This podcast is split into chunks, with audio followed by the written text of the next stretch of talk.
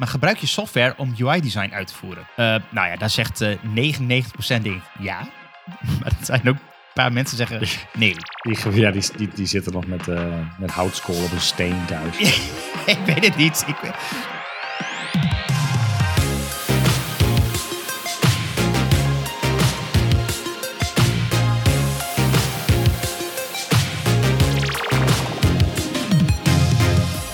Welkom bij de Pixel Paranoid podcast. Mijn naam is Mikelle en samen met mijn co-host Rick gaan we alles behandelen over UX, UI en frontend development. En uh, vandaag hebben we een speciale aflevering over AI en hoe deze technologie invloed heeft eigenlijk op UX design. Um, ja, en we zullen het hebben over hoe de AI kan worden gebruikt om nou, de interactie te verbeteren of uh, gebruikservaring te personaliseren. Maar eerst een aside. Yes. Heb je iets leuks? Um, nou, ik heb de afgelopen 2,5 week geprobeerd om een nieuwe browser in mijn leven toe te laten. Oké. En er is namelijk een nieuwe browser. Uh, voor, voor nu nog alleen voor Mac. En hij heet Arc. Um, dat is de browsernaam, Arc. Het is onder water, laten we vooropstellen, het is gewoon Chrome. Uh, alleen wel echt heavily skinned Chrome. En dan heb je natuurlijk al andere browsers. Volgens mij is Opera en zo en Vivaldi en al dat soort dingen. Dat zijn stiekem ook allemaal Chrome browsers. Um, alleen Arc is heel anders. Echt totaal anders. Het is een...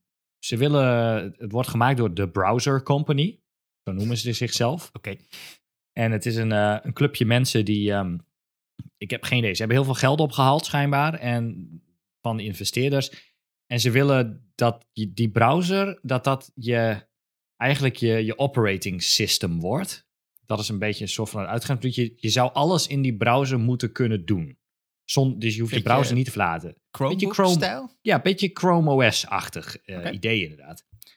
En um, nou ja, de, de, de Arc-browser is uh, anders, wat ik al zei. En dat begint ermee dat je dus je adresbalk, die zit niet bovenin. Maar je adresbalk die zit links. De, de Arc browser heeft dus een sidebar links. Okay. En alles speelt zich af in die sidebar. Dus uh, daar is je adresbalk zit daar, uh, je tabs staan daar. Uh, maar je hebt ook, je, je hebt je favorites daar, je bookmarks, zeg maar. Je hebt pinned tabs. En je hebt je daily tabs. En wat dat ding doet is, hij gaat iedere 24 uur, kleert hij al je daily tabs leeg. Okay. Uh, zodat je elke ochtend, zeg maar, weer fresh begint. Tenzij je tabs boven een bepaalde uh, scheidingslijn in die sidebar sleept, dan blijven ze behouden. Um, je kunt ook in die sidebar kun je groepen aanmaken met tabs. Dat is niet heel veel anders dan dat je volgens mij in Chrome of, of Firefox misschien ook al kan. Je kunt, je kunt tabs groeperen, zeg maar. Dus als jij, weet ik veel, verjaardagscadeautjes aan het zoeken bent, kun je die, al die tabs kun je allemaal in één mapje zetten. Ja. En dan ja, dan zijn er geen bookmarks, maar je hebt wel dingen gegroepeerd. Oké. Okay. Um, alleen het is zo wennen dat je adresbalk en, en ja. alles links afspeelt. Dat ik, ik, ik, ik, heb, ik sluit Firefox af. Ik heb hem ingesteld als Arc ingesteld als mijn default browser, zeg maar. Maar toch iedere keer uit automatisme gewoon, oh, moet even op internet. En dan heb ik letterlijk, ik zit in Arc en dan klik ik Firefox open om dan daar te gaan googlen. En dan ben ik 15 minuten verder en denk ah fuck, ik zit helemaal niet, zit weer in Firefox in plaats van in Arc. Omdat je mist die adresbalk yeah. bovenin en dat is echt zo wennen. Um, maar goed, los van dat alles links in die sidebar afspeelt, zitten er wel een aantal coole features in. Um, in Chrome heb je profiles, die, die, die zitten nu ook in Chrome. Je kunt bovenin kun je, in, kun je inloggen uh, en dan dat is je profiel. En je kunt ja. ook meerdere profielen maken, zeg maar. Maar als je daar wisselt van profiel, dan opent hij een, een nieuw Chrome venster waar je gewoon een nieuw account hebt met eigen plugins en al dat soort dingen. Ja. Dit is ook Chrome, dus dat zit hier ook in. Alleen ze hebben hier um, spaces geïntroduceerd. Dus je hebt links heb je je sidebar. Onder in je sidebar heb je als een soort van carousel of slider heb je een aantal bullets, zeg maar. Um, en je kunt daar tussendoor swipen, of je kunt met je pijltjes toetsen, of je kunt erop klikken. En als je eigenlijk opzij swipet in de sidebar, dan verandert alles wat jij in beeld hebt, verandert naar een ander, ander profiel, een andere space. Nice. Dus je kunt een space hebben voor, nou, in mijn geval, ik heb een space voor klant A, waar ik dus wat bookmarks heb en wat pin tabs. En ik heb wat, ben ingelogd ook in, in uh, voor die klant op alle services. En Ja. swipe ik opzij in die sidebar ga ik opeens naar een ander profiel en dan zit ik, ben ik opeens ingelogd in totaal andere dingen. Zonder dat ik dus hoef te wisselen tussen twee Chrome ehm, browsers, twee Ja, losse ja. instanties, zeg maar, zit het allemaal in één ding. En dan kun je daartussen heen en weer swipen. Hm.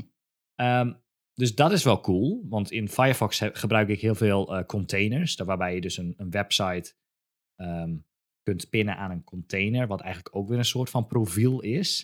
Alleen zijn de profielen in Chrome, of eh, sorry, de profielen in Firefox zijn, ehm, eh, zijn, zijn niet echt losse profielen. Je hebt een, een container waarin eh, websites leven, maar je hebt geen losse plugins per container, zeg maar. Je hebt gewoon één browser. Nou. En in Arc heb je dus nou, verschillende spaces en in een space kun je ingelogd zijn in een bepaald profiel en die heeft zijn eigen extensies, et cetera, et cetera. Dat is wel cool. Ja. Eh, een ander wel heel tof ding is dat alles in die browser werkt met de command bar. Eh hebben we het al wel eens over gehad. Je hebt steeds meer applicaties, ook websites. Als je op command T of command K drukt, eh, in Figma bijvoorbeeld, eh, dan, dan, of op je Mac is dat eh, ehm, je spotlight, zeg maar, command spatiebalk. Dan krijg je zo'n zoekbalk in beeld en in die zoekbalk kun je alles doen. Ja. In, in VS Code heb je het zeg maar ook. Je kunt daar, dus je drukt op command T in dit geval. Je zou verwachten een nieuw tabblad te openen. Eh, maar wat je krijgt is die hele grote zoekbalk. Druk je op enter, opent hij een nieuw tab. Maar je kunt daar zoeken door al je openstaande tabs. Je kunt zoeken in je, in je historie. Je kan natuurlijk gewoon zoeken op alles search engines. Maar je kunt ook alle eh, settings van je browser daar natuurlijk gewoon direct ehm, aanroepen. Ehm, nou, dat, dat is wel cool. Eh, er zit een split screen functie in, wat ontzettend handig is. En ik snap niet waarom andere browsers dat nog niet hebben. Dus als je op een website zit en nou, je wilt twee websites naast elkaar hebben, een productieomgeving en een acceptatieomgeving of een Jira-achtig iets en je development omgeving, noem maar wat. Kun je gewoon op Command T drukken, typ je in SP, dan zegt hij split screen, druk je op enter, split hij het screen tussen je vorige openstaande tab en je huidige, of je kunt eentje uit de lijst selecteren. Deelt hij het scherm door tweeën, heb je in je browser, dus niet twee vensters los van elkaar, eh, maar gewoon echt in je browser een split screen tussen twee, eh, tussen twee vensters. Nou, Ja, dat is wel heel nice. ook wel super cool. Ja. Ehm, wat ver- zit verder nog in? Ja, ze hebben iets dat noemen ze boosts. ehm, wat inhoudt dat eh, het is eigenlijk een, een UX-friendly manier voor Chrome extensions. Waarbij je heel snel zelf een. een, een ehm, je kunt een website kun je boosts meegeven. En boosts zijn HTML, JavaScript of CSS of alle drie. Ehm, waarbij je een website kunt ehm, ja, pimpen naar eigen liking, zeg maar. Dus je kunt eh, bijvoorbeeld een, een style sheet voor een bepaalde website injecten. eh, en dan heeft hij, ziet hij er anders uit of iets. Oh, zo. Ja, ja, ja. Dat, eh, ja, dat, dat kun je aan een website Het toewijzen. is een beetje, Kan- kan- een beetje Grease Monkey eh Ja, achtig. ja, ja, precies. Alleen dan vet user-friendly, zeg maar. Ja. Dat, eh, dat. Voor de rest zijn de animaties van echt alles is echt, echt, mm, echt nice, zeg maar. De animaties van, van eh, pop-upjes en allemaal van dat soort dingen is allemaal zeer, zeer funky. Allemaal heel netjes. En het laatste wat ik ook nog wel tof eh, vind, is dat ze hebben ook een, eh, ze noemen het de mini variant volgens mij. Eh, ik zal even kijken. Oh, Little. Little Arc noemen ze het. Als je namelijk een, ehm, op een linkje klikt en je hebt Arc ingesteld als je default browser, Mhm. dan opent hij niet fullscreen Arc, je fullscreen browser. Hij opent een soort van mini preview ehm, venstertje van die link. Die kun je vergroten. En er zit een knopje bovenin en dan kun je hem zeg maar alsnog openen in je volledige browser. Oké. En er zit een drop-down naast dat je hem ook kunt openen in een bepaalde space. Ah. Dus als ik een linkje heb in de mail naar een Jira-ticket of zoiets dergelijks, dan is het super hinderlijk als hij hem in Firefox of in Chrome altijd opent. En dan zit hij, opent hij hem in een space waar ik niet ben ingelogd, zeg maar. En dan moet ik Oh, die link ja, weer ja. kopiëren. Moet ik naar het juiste profiel gaan en dan moet ik hem daarin pasten. Ehm, nu kan ik gewoon zeggen, ik open die link. Hij opent hem in de, in de preview venster, zeg maar.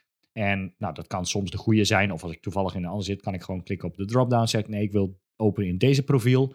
En dan opent hij hem in Arc, switcht hij, zeg maar, swipet hij opzij naar dat juiste profiel. En dan opent hij hem daar. En ben ik gewoon ingelogd en hoef ik, dat niet, is wel te, sweet. hoef ik niet te wisselen. Ja. Dus, ehm, ja, Maar- dus dat. Voor, wie, voor wie is deze browser? Voor wat voor type, eh, wat is hun doelgroep eigenlijk? Zijn dat gewoon tech-savvy wel mensen... Nee, nee, nee, daar ben ik dus nog niet. of- Het is een heel vriendelijk, happy bedrijf ook. Ze mailen ook gewoon eh, als je. eh, het is nu nog ehm, op invite. Ehm, dus ik zal op Telegram post ik af en toe wel wat van die invites. Of laat ons anders even weten, dan stuur ik je een invite. Ehm, maar ze zijn bijvoorbeeld geen developers. Want er doen mensen suggesties van, hey, we willen een developer mode. Nou, dan implementeren ze dat ook gewoon echt binnen twee weken implementeren ze een developer mode. Wat inhoudt dat je op een bepaalde URL of een bepaalde domain kunt zeggen dat die altijd moet openen in developer mode. Oké. Wat inhoudt dat je nou ja, eh, een aantal eh, extra extensies standaard aan hebt staan. En dat die opent met je inspect tools en eh, allemaal van dat soort dingen. Dat je een full URL balk bovenin hebt staan in plaats van dat die dus in je sidebar staat. Oké, voor localhost doet hij dat bijvoorbeeld altijd standaard. Nice. Dat zijn wel, zijn wel funky. Dat zijn wel echt, dit zijn wel van die handige Ja. UX-dingetjes, zeg maar, voor een browser die ik wel een beetje mis. Ja, nou, dit- ja, want standaard heeft die, zit die URL-balk. Die zit links in die sidebar. Nou, die is natuurlijk nooit zo lang als dat de URL is waar Nee. je op zit. Uh, maar je kunt dus voor bepaalde URL's kun je zeggen dat die developer mode moet openen. En dan heb je gewoon een URL-balk bovenin en die is volledig. Oké, Oké. nog één ding. Als je het over URL's hebt, er zit een copy link URL in. Of een ja, copy link functie in. En wat hij doet is, die kopieert de link, maar hij stript alle meuk van de link af. Dus als je zo'n link opent uit je mail met zo'n Oh, ja, ja, ja. GTM-tag, Ja. dat soort dingen, je wil dat delen, dan stript hij dat er gewoon allemaal af. Nice. Nice. Grappig. Ja. Details. Dus het, het is, ik, ik En het we is zijn nog niet, beta. eh, ja. Oké. Ja. En ze reageren, ik heb al een paar bugs ingeschoten en ik heb ook al een paar keer gemaild, zeg maar. En, en ze blijven me mailen van, ja, werkt het al? En ben je ook blij met dit? En, dus ze zitten wel, zijn er echt super actief mee bezig. Oké. Dat is, ja, Arc browser, en ik, we zijn nog niet, we zijn nog niet best friends. Ehm, maar wellicht komt het nog. Er- er zitten veel features in die wel echt vet tof zijn. Alleen mis soms mijn Firefox Inspect. Dat is, het is Chrome Inspect Ja. als je dingen inspect. En ben Firefox gewend. Dus Ja, Firefox development tools zijn wel, ja, wel chill. ja, voor de Firefox Development Tools, daar zitten, daar zitten dingen in voor Grid die net beter werken. En de, de, de, de logging voor, eh, voor ehm, je console, die is net even anders. En die geeft net iets meer details. Dus dan, Ja, ja. voor ik weet, zit ik weer twee uur in Firefox te werken. En ik, ah fuck, ik moet naar Arc toe. Althans, try to. Ja, oké. Check. Nou, wel wel interessant om dit te volgen. Want misschien wordt het toch wel... eh, Ja, dus het is echt, het is echt browser. anders dan een, een, een, een standaard. eh, laten we Chromium pakken en we maken alles ronde hoekjes en maken het heel, eh, heel, heel leuk of zo. Het is, het Ja. is echt anders. Het is, ja, anders. Dus, interesting. browser. Alright. Ehm, volgens mij één of twee afleveringen geleden eh, heb ik gemeld dat er ehm, eh, een design tools survey van UX tools is geweest. Eh, Mhm. Waarin gevraagd wordt aan UX designers eh, van nou, eh, wat voor tools gebruik je? Wat voor termen worden er gebruikt? Wat voor tools word je voor prototypen? Nou, van allerlei vragen. Daar is de uitslag van bekend. En daar wou ik even doorheen gaan. Even wat, wat, wat highlights eruit halen. Ehm, er hebben in totaal 4260 mensen aan meegedaan.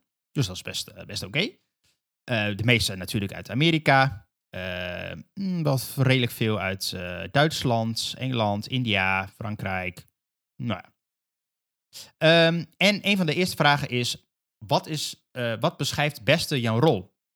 Ja. En dat is natuurlijk altijd weer een beetje een, een mooie vraag binnen het eh, UX-UI-wereldje, want er zijn 10.000 termen voor wat we doen. Nummer 1 staat product designer. Dus de Ja, meeste dat was, die kwam vorig jaar kwam die ook al omhoog volgens mij. Ja, Product dacht ik design. ook. Ik weet het niet zeker meer. Ik weet het niet zeker eh, hoe het zat met vorig jaar. Ehm, eh, op tweede is het UX slash UI designer. En als derde is het UX designer. En dat komt echt een heel stuk lager. Eh, ik zou echt bijna zeggen, eh, nou, nog maar 5%. eh, graphic designer. En dan nog een hele rits met allerlei andere termen. Dus product designer op 1, UX, UI designer op 2 en UX designer op 3. Interessant. Oké, dus dit is de Pixel Paranoia Product Design podcast. Inderdaad.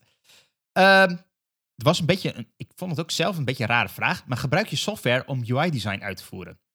Eh, nou ja, daar zegt eh 99% denk ik ja, maar er zijn ook een paar mensen zeggen nee. Of ik gebruik een andere tool. Die, ja, die, die, die zitten nog met, eh, met houtskool op een steen thuis. ik weet het niet. Ik, weet- nou ja, goed. Maar wat is de meest populaire UI design tool? Figma. Echt, nou echt by far. Gewoon, ik denk En Adobe eh, XD dan? 80, 90 procent is denk ik Figma. Ja, ja, ja zoiets. En dan En eh, Adobe Adobe, XD? XD? als tweede. Boven Sketch? Ja. Oh, wauw. nipt, nipt trouwens. Maar eh, wel boven Sketch. Sketch is derde. En daarna is het echt gewoon nog maar, eh, nou laten we zeggen 1% misschien max. Eh, Adobe Illustrator, Adobe Photoshop. Er komen nog wat allemaal tools. Lunacy, ken ik niet. Axure, Nee. Framer, ja. Affinity Designer, Antetype. Hm. Affinity is designer. Ja, die, dat, dat is ook zo'n zo'n ding. Wat wel een cool. Ja, de Affinity designer is. Het is wel een stuk Is- goedkoper eh, dan, dan bijvoorbeeld Photoshop. En je kunt er soort Ja, maar is Affinity designer is meer zo'n eh, Illustrator-achtige Ja. tool, toch? Ja. Dat je zo'n voor eeuwig in kunt zoomen en zo. Dat Ja. was helemaal hun ding. Klopt. Dus, ehm, Oké. Nou, oké. Ehm, eh, ook nog even qua ratings. Wat is dan, oké, dit is de meest gebruikte, maar wat is dan de, je meest, ehm, eh, je hoogst ge- gerate tool, zeg maar? Nou, dat is ook Figma. Echt met eh 4,6 of eigenlijk bijna 4,7 ster van de 5. Eh, dus dat is, iedereen is blijkbaar heel erg tevreden over Figma. Sketch heeft 4 sterren eh, en Adobe XD heeft 3,9 ster. Oké. Oké. Oké. Ehm, een aantal noteworthy, eh, ik, ik noemde hem net al, Antetype. Er zijn maar 40 mensen die het gebruiken eh, in deze survey. Maar ik krijg wel een 4,8 ster. Dus dat is hoger dan, ehm, dan Figma. Ik, kende het niet. Eh, het Ja. lijkt inderdaad op een soort van... Ja, het heeft wel een beetje weg, vind ik, van Axure of zo. Oké. Het ziet er heel ja, technisch uit, maar... eh, je kunt er blijkbaar en- responsive dingen en- in doen. En, en Oké. En Excel dan? I don't know. Ehm, even kijken. Eh, gaan we nog even. eh, prototyping. Dus waar gebruik je, welke tool gebruik je voor prototyping? Ehm, eh, mensen, of de eerste vraag van, gebruik je er überhaupt software voor? Nou ja, dat is echt een ruime meerderheid die zegt ja. En de meeste mensen gebruiken daar ook Figma voor. Nou, ja, had ik niet heel sense, anders ja. verwacht, denk ik. Tweede plek Adobe XD. En de derde plek is Protopie. En daar kwam Ja, volgens ja. mij eh, Harjan in onze podcast ook al mee. Ja. Ja, nice. Cool. Eh, advanced prototyping, dus de wat meer ehm, ja, realistische prototypes. ehm, daar, dat is wel interessant. Er werd ook gevraagd, gebruik je daar software voor? Daar zeggen een, een groot deel zegt ja, maar ook een groot deel zegt nee. En waar heeft het mee te maken? Die coden dat waarschijnlijk zelf met HTML en CSS. Oh, zo. dus ja, ze gebruiken oké. daar geen software voor. Nee, ja. Ehm. Nummer 1 voor ehm, Advanced UI Prototyping is dus Protopie. Check. Eh, nummer 2 is Code. Dus dat schrijven we mensen zelf code om het eh, een prototype te maken. En nummer 3 is Axure. eh, daarna Webflow. En daarna pas Figma. En daarna Framer. Dus, Oké. En Webflow is eh, interessant. Voor Ja, dat is- prototyping, ja. Makes sense. Ja, dat is drag and drop voor website development. Dus ik kan me voorstellen dat je daar redelijk snel een prototype van kunt maken. Weliswaar niet conform design of zo. Maar, Maar zou je dan een, een prototype in Webflow maken en dan vervolgens zeggen van, oké, nu gaan we het echt coden of zo? Is dat dan het idee? ja, dat vermoed ik. Ja, de, dus Webflow wordt misbruikt. Van, ah, je kunt heel makkelijk websites mee maken. Ja, fuck dat. We maken gewoon eerst alleen een prototype in Webflow en dan gaan we daarna zelf maken. ja, nou ja, ik- het is, ik vind het op zich geen rare route. eh, Hoef je de, hoef, dan heb je toch een interactief prototype en hoef je de coding zelf niet te doen. ja, Ah. ja. Alright, ehm, eh, volgende vraag was over digital whiteboarding. Nou, dat doen we eh, sinds corona denk ik best wel een stuk meer. Eh, en dat zie je het ook best wel omhoog gegaan. De vraag is, gebruik je daar software voor? Nou, echt de ruime meerderheid zegt ja. Ik denk echt wel 80 procent. En de meest populaire whiteboarding tool is... Miro. Ik had, ik had stiekem Fig met FigJam al verwacht, maar Al verwacht. ja. Ja, nog niet, Maar het is vast tweede. Ja, ja, is tweede. Is tweede. Oké. En eh, nou, laten we zeggen, Miro is ehm, eh, 60, 65 procent, denk ik. En dan nou, FigJam bijna de, de rest. Fi- Figma staat er ook tussen. ook wel bijzonder. Kan, natuurlijk. Nou, dat zijn mensen die niet betalen voor hun, eh, voor hun, voor hun, voor hun Big Jam abonnement. Ja, ja. En dan heb je nog ehm belangrijk of noteworthy Mural.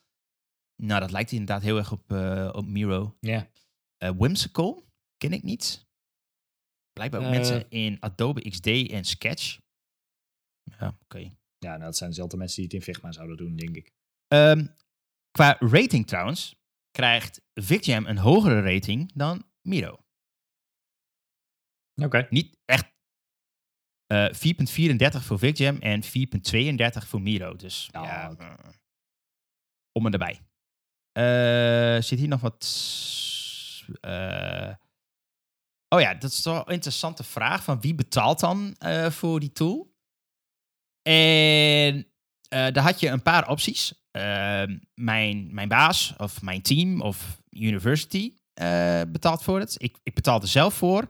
Ik gebruik het gratis of ik wil het liever niet zeggen. Ehm, Niks.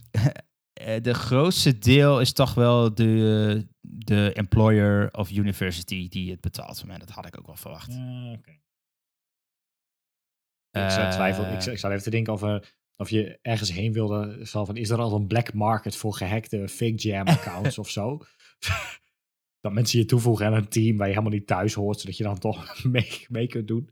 Hele families die gewoon eh, thuis eh, één abonnement hebben en dan met de hele familie dat share. ja. Eh, ja. Ehm, Ja, ik Dis- zit Disney Plus, Amazon Prime en uh, Fig Jam. Miro. Jam. Ja. Wat ook wel een interessante vraag was, is hoe gebruik je deze tool? Miro, FigJam, et cetera. Gebruik je dat voor remote work of hybride of gewoon in the office? Ja. Ehm, en daar zit best wel wat verschil tussen de tools in. En dat is wel, wel grappig. eh, want zo is voor Mural heeft de hoogste ratio aan hybride werkers. En eh, heeft FigJam bijvoorbeeld de meeste die fully remote zijn. Dus wat dat precies zegt, weet ik niet helemaal. Maar hm, wel interessant. weet niet. Ik heb het, het, het, het beeld erbij dat Miro een eh, corporate tool is. En FigJam meer een freelance, eh, remote, Ah, eh, ja. jonge, hippe, coole eh, tool. Geen idee. Dat is het beeld wat ik erbij heb. Ja. Nou ja, Mural en Miro die, die scoren redelijk hetzelfde inderdaad. Dus het grootste deel daarvan werkt er hybride mee. Dus zowel thuis als remote, thuis als op, op kantoor. En FigJam inderdaad meer, meer, meer thuis. Fully remote. Hm. Hm. Oké. ehm, ja, nog een vraagje over design systems. Eh, waar maak je die in? Nou, dat is echt eh bij far de winnaar is eh, Figma. Dat is geen ene iemand die er in de Cool. buurt komt. Storybook wordt nog wel als tweede aangegeven. Ja, is natuurlijk al meer frontend. Ik wil zeggen, dat is niet echt een design tool. Ehm, user testing. Ehm, daar gebruikt ze, ehm 56% gebruikt daar software voor. Check. En als ze daar software voor gebruiken, eh, dan gebruiken ze met name Maze. Zegt mij niks. Mij ook niet. En Zoom als tweede. Google Meet als derde. Users testing als vierde. Microsoft Teams als vijfde. En Lookback als zesde. Oh, wauw. Oké. Nou, dan moeten we Ja. eens gaan eh, onderzoeken naar andere tools. Want wij gebruiken meestal Lookback. Maar eh, wellicht zijn er dus andere alternatieven die... eh, Maze is eh, blijkbaar het ding. Ik, kende het niet. Interesting. Ehm, even kijken. Ehm, nou, nog een andere leuke vraag is van portfolio. Maak, heb je een portfolio als, als designer? De meesten geven aan, ja, die hebben ze Eh, daarna is er een grote groep zegt, nee, ik heb geen portfolio. En dan de derde is, ja, ik gebruik PDF of slides of zo. Ehm, dus 22% heeft op dit moment geen portfolio. En 20% ze- geeft aan dat het, ja, ze hebben dat, maar dan in een PowerPoint, PDF of whatever. Eh, en wat zijn dan de tools die je daarvoor gebruit? En dat is nummer 1 PowerPoint. gewoon code. Gewoon een website. Eh, nummer 2 is Webflow. Interesting. Eh 3 is Behance. Eh 4 is Squarespace. Wauw, Squarespace. Ja, maar dat makes sense. Oh ja, dus die heeft ook hebben- we- Ja, Ja, maar we hebben het hier ja. over, over een design tools survey. ja. Dus ja. dat verwacht ik niet heel veel mensen die inderdaad zelf hun ding gaan coden. Eh, dus ja, waar ga je dan als designer die niet kan coden je shit laten? Nou, dan ga je het in Webflow bij elkaar klikken of in Squarespace. Of je flikkert het gewoon op Behance inderdaad. Ja, true. True. Ehm, nou, er zitten er wat, eh, wat tools bij. eh, eh, Wix, uiteraard. WordPress, UX Folio, eh, Medium. Ja, oké. Webflow krijgt wel de hoogste score. Dus de hoogste top-rated tool om je portfolio in te maken. Oké. Behance als tweede, Notion als derde. Ehm eh, grappig. Dit is ook wel interessant. Ze hebben gevraagd van, nou, hoeveel ervaring heb je nou in het vak? Dus hoe lang eh, ben je al UX UI designer? Ehm, en de, de, de, de meest ervarende personen, eh, die zitten meestal in code hun portfolio te maken. Ja. En Ja. ehm, Die zijn daar ooit begonnen, vermoed ik. ja, dat denk ik ook, ja. Het is wel grappig. Eh, en mensen die vrij nieuw zijn, even kijken of ik er een beetje uit kan halen. Ja, die zitten meer in tools als Webflow, Wix, Notion, Behance. Ocean. Squarespace en Code heeft eh, de meest ervarende UX'ers. En de rest zijn wat minder ervaren UX'ers. Ja, grappig. Dat zijn wel grappig. Dus dat was. ehm, ik, ik zal even een linkje plaatsen naar het hele eh, survey. Maar het is wel interessant om doorheen te gaan. Maar dit zijn denk ik een beetje de, een beetje de highlights ehm, Cool. die, we, die, we, die we zien. Alright, tijd voor de main. Ehm, wat ik al zei, vandaag gaan we het hebben over AI en hoe het kan helpen om de gebruikservaring te verbeteren. Ehm, en AI staat uiteraard voor Artificial Intelligence. En het wordt steeds belangrijker, want we zien het steeds vaker eh, voorbij komen. Ehm, ja, Ja, ik, eh, ik wil het wel hebben over hoe chatbots kunnen bijdragen aan een, eh, aan een betere gebruikerservaring. Eh, die zie je ook steeds meer natuurlijk. Ehm, Jij hebt recentelijk veel onderzoek gedaan naar, eh, naar chatbots. Ehm, wat, wat voor voordelen kwamen daaruit? Ja, nou ja, ja chatbots zijn, zijn ja, best wel een, een geweldige manier om gebruikers te helpen bij het navigeren voor ja, een website of, of het oplossen van problemen. Ja. Eh, het voordeel is natuurlijk dat ze 24/7 ja, beschikbaar zijn. Dus dat is, dat, dat is Ja, handig. En daar heb je sense. geen eh, persoon voor nodig. Eh, dus ja, gebruikers kunnen eigenlijk altijd hulp krijgen wanneer ze dat nodig hebben. En ja, je kunt ze trainen om te reageren op specifieke vragen of om gebruikers te leiden naar specifieke informatie. Ja. Eh, waardoor je ja, gebruikers sneller naar hun einddoel eh, kunnen bereiken. Ja, ik denk dat dat wel leidt tot een betere gebruikservaring en een ja, lagere bounce rate. Dus mensen haken sneller af, Oh, minder ja, snel af van een website. Ja, ja, ja, ja. Oké. ehm, ja, ik, wat voor. eh, bij een paar klanten zijn we ook wel eens bezig geweest met, een, eh, met het, ja, het bouwen van een chatbot. Maar wat zijn eh, uitdagingen waar je voornamelijk tegenaan loopt dan? Nou ja, het, het, het, grootste probleem wat, wat ik een beetje zie is ehm, ja, dat het lastig is om ze te trainen. En om ze ja, te natuurlijk te laten Ja. reageren op vragen, zeg maar. Want ja, het blijven bots. En als het, als het niet goed getraind is, ja, dat kan het leiden tot, tot frustratie. En dat heb ik wel, wel vaker meegemaakt en gehoord van mensen om me heen. Van ja, Ja, nee, dat zegt dan echt. net niet helemaal wat hij, eh, wat hij doet. Ehm, ja, en ze zijn wat over het algemeen wat beperkt in, in vermogen om complexe vragen te beantwoorden. Eh, ja, en dat, dat leidt ook niet naar een goede gebruikservaring. Ja, en het is belangrijk dus om dat te overwegen en om naar manieren te zoeken om dat op te lossen bij het ontwerpen en ontwikkelen van een, eh, van een chatbox rondom UX.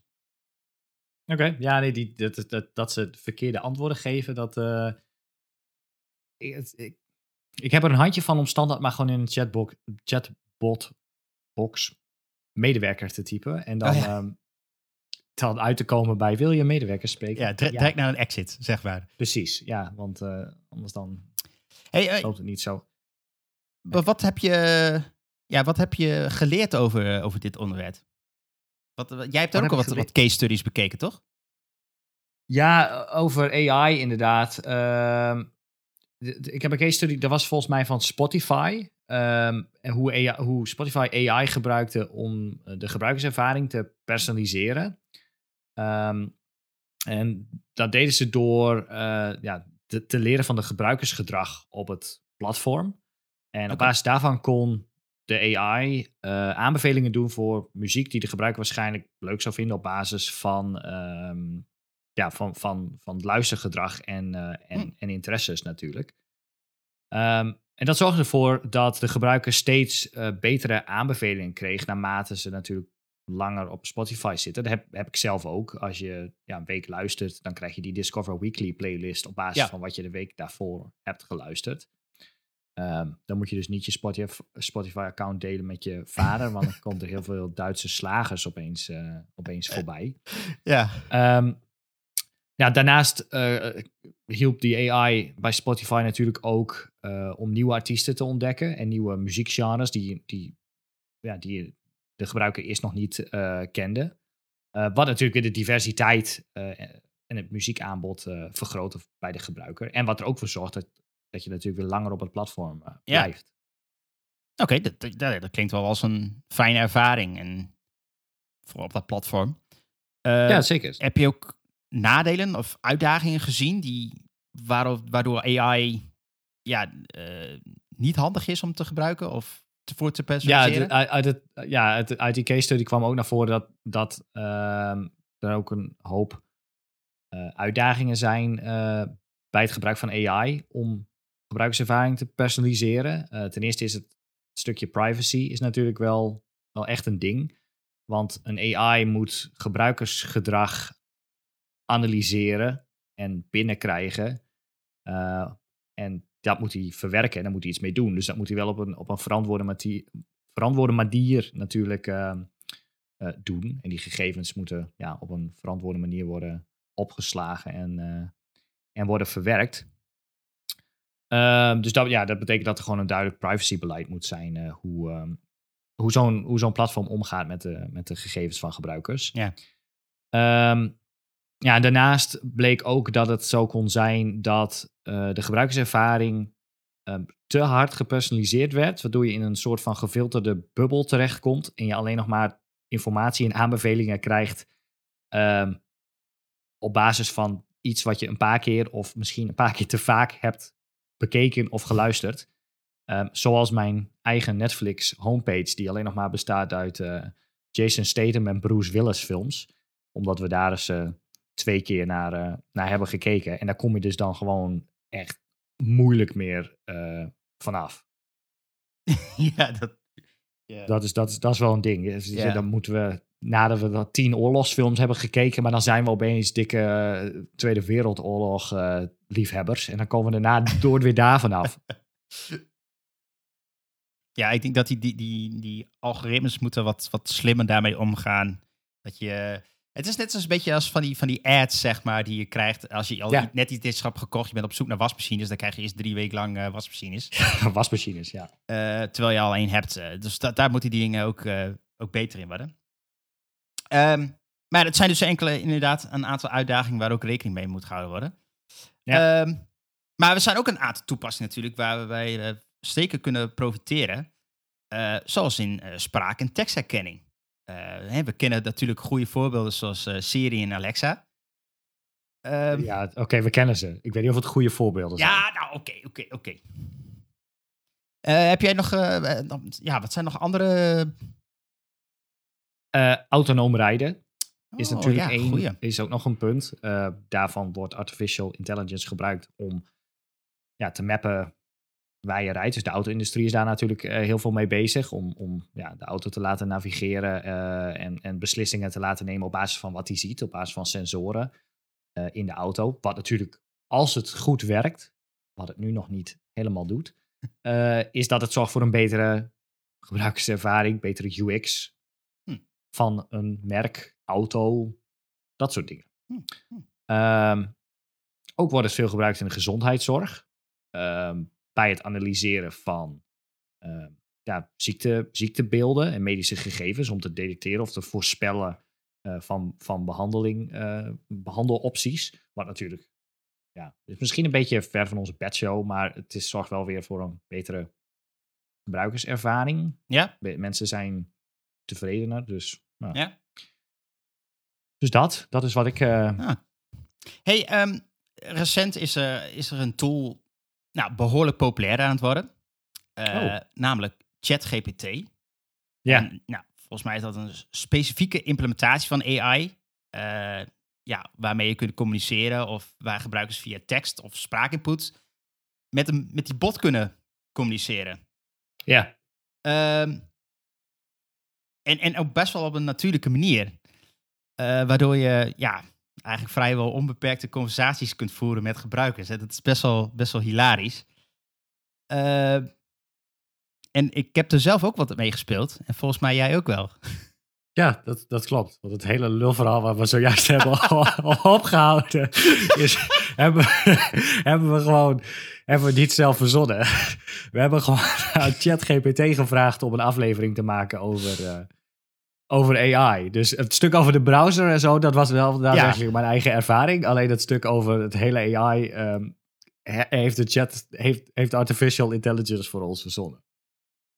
Ja, Dus, dit eh, was- maar hij komt. eh, Ja. Het was echt fascinerend waar, waar die bot mee komt. Ehm, en het klopt ook. Gewoon. Het- hij Ja. komt serieus met gewoon.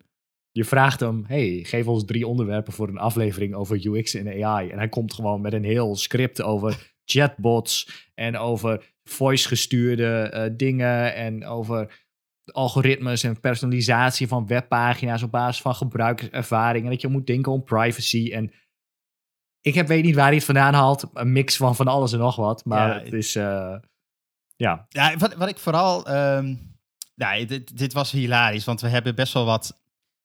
Er zitten wat, wat, wat voor- en nadelen aan, aan dit hele ChatGPT. Het, het is echt briljant. Dat wil ik één ding. Eén ding. De eerste, zeg maar 80% van wat het uitpoept, dat is echt goud. Dat is echt Ja. amazing.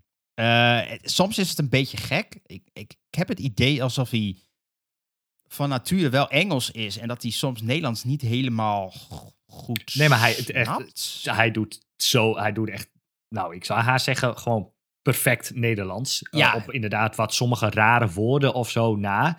Maar eh, eh, echt verre van gewoon getranslaten context van Engels naar Nederlands. Maar hij stapt ook gewoon Nederlandse vragen. En Ja. nou, we gaven hem als input, schrijf een, stuk, schrijf een script voor de Pixel Paranoia podcast over UX, UI en front-end development. Eh, want de intro van de podcast was trouwens ook verzonnen. eh, Ja, door, ja. De, door, door, door de, Ja, dit was een vrij makkelijke aflevering voor ons. We hebben niet zo heel veel voorbereiden, eh, hoeven, hoeven te voorbereiden voor dit. Ehm, Nee. Maar wat, wat, ja, wat ik dus vooral briljant vind, is het snapt zo goed context. Dus je, je, je praat over een onderwerp, wat, wat, ja, wat je ook met de mens doet. En het vergeet niet dat je daar nog steeds over hebt. Ook al ben je echt zeg maar al een uur met die bot aan het praten. Eh, je kunt wel afwijken, maar je kunt ook gewoon zeggen... hé, hey, maar we waren met het script bezig. Eh, kun je nog een tip geven daarover? Of kun je nog een... Of Ja. kun je het script omvormen? Ik heb bijvoorbeeld een aantal keer geprobeerd... eh, want de eerste keer dat hij een script vormde... was best wel zakelijk en een beetje saaiig. Toen zei ik, hey, kun, je wat, kun je het wat anders omschrijven? Alsof we een interview hebben. Of als we het, kun je het wat vrolijker omschrijven? En dan doet hij dat ook gewoon. Het is echt... Ja, het is briljant. Het is, eh, het is heel mooi. En inderdaad, die context. Hij komt zelf met suggesties. Ik zag, eh, nou, heb je drie suggesties ehm, als onderwerp voor, eh, voor, de voor de main.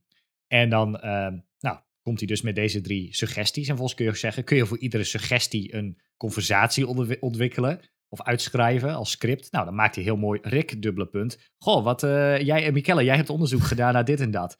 Nou, en dan vervolgens zegt hij, nou, Michelle, Rick, en dan wisselt hij dat zo eh, Ja, af. Maar ja. vervolgens kun je zeggen ook van, kun je punt 1 nog verder uitdiepen of onderbouwen? En dan, nou, dan werkt hij dat gewoon verder uit. Het is echt... eh, en naast dat hij dus een conversatie kan uitvoeren, kun je ook, ehm, en dat is waar mensen op Twitter, eh, voor mensen die nog op Twitter zitten, eh, een, be- ja, het- een beetje overvallen, is je kunt er ook code in plakken en vragen van wat doet deze code? Nou, dan gaat hij echt, ik heb er meerdere stukken code ingeplakt, gewoon JavaScript of whatever, en dan, dan gaat hij uitleggen wat die code doet. En dat is echt fascinerend als je een taal bezig bent met een taal die je nog niet goed snapt of zo, dan legt hij, oh, hij doet dit en dan doet hij dit. En dat, is, dat, dat klopt ook. Je kunt ook vragen om het te optimaliseren. en dan wordt het lastig. Want dan gaat hij dingen doen die, of hij mist hele stukken script die super functioneel zijn, of hij gaat functies gebruiken die gewoon helemaal niet kloppen. Maar hij is wel, hij schrijft het op zo'n manier dat hij gewoon eh, er heilig van overtuigd is dat het klopt. En dan, dan wordt het wel wat raar. Ja, ja, ja, klopt. Maar het, het is echt. ehm, ik, ik hoorde. Het is trouwens ChatGPT van, van OpenAI. Van Ja, dezelfde is- die ook eh, de DALI Dali. eh, Ehm, kunstgenerator... eh, Ja. ik, ik, ik zie twee dingen trouwens wel om me heen. Eh, mensen zeggen: hey, dit, dit, werkt op, op sommige vlakken beter dan, dan Google. Eh, ja, dat is wel een beetje zo. Ene nadeel is wel: ChatGPT is een momentopname geweest. Het heeft heel veel dingen gecrawled, maar dat is ergens opgehouden in 2021. Dus het heeft geen recentere dingen in zich. Ik weet niet of ze dat weer gaan toevoegen of niet, maar dat is dus, het is, het is een momentopname. Eh, en, en Google blijft maar crawlen en crawlen en up-to-date blijven. Dus het is niet hetzelfde als Google. Ehm, en het geeft je ook geen links of wat dan ook natuurlijk. Dus het is, dit is wel anders. Maar Het is, Eh, het is, als je, je moet er even mee spelen. Het is eh, chat.openai.com. Ja. Maar als je zeg maar chatbots hebt gehad van je zorgverzekeraar of van een webshop of dat soort dingen. En je gaat hier tegen praten, dan had je graag gewild dat iedere chatbot gewoon Ja. dit ding is. Want deze snapt gewoon alles. niet, ja, het maakt niet uit wat je invult. Hij komt gewoon met een, met een zinnig antwoord. En niet gewoon, sorry, ik heb je vraag niet begrepen. Kun je het herhalen? Nee, nee. Weet je, Ik heb het nog nooit gehad leuk. dat hij iets niet snapte trouwens. Nog nooit. Nee, nee, dat is... Het enige nadeel is, het is nu zo populair dat het om de havenklap plat ligt. Omdat het gewoon te veel gebruikt wordt. Maar ik heb geen dingen gehad van wat hij niet snapte. Of ja. Sommige antwoorden waren misschien een klein beetje generiek of zo. Maar dan kun je dat op doorvragen. En dan komt hij alsnog weer met een zinnig antwoord. Ja. Dit is... Fascinating. Dus ehm, Dus we gaan voortaan more onze to come. afleveringen allemaal door AI laten schrijven. Want ja, waarom niet? ja. Alright. Ehm, genoeg over AI. Eh, door naar de voeten. Eh, heb je iets voor in de voeten? Heb jij iets voor in de voet? En dan kan ik nog even naar kijken in mijn lijst of ik iets anders kies dan wat ik in mijn hoofd heb. Nou, nee, ik, ik heb niet echt iets in de voeten, moet ik heel eerlijk zeggen. En ik heb eh, Chat eh, GPT gevraagd ehm, om een tip. Omdat wij hadden over- technologievak. Ja, ja en, en ik had van, heb, je, heb je nog een goede tip wat ik in de voeten kan vertellen?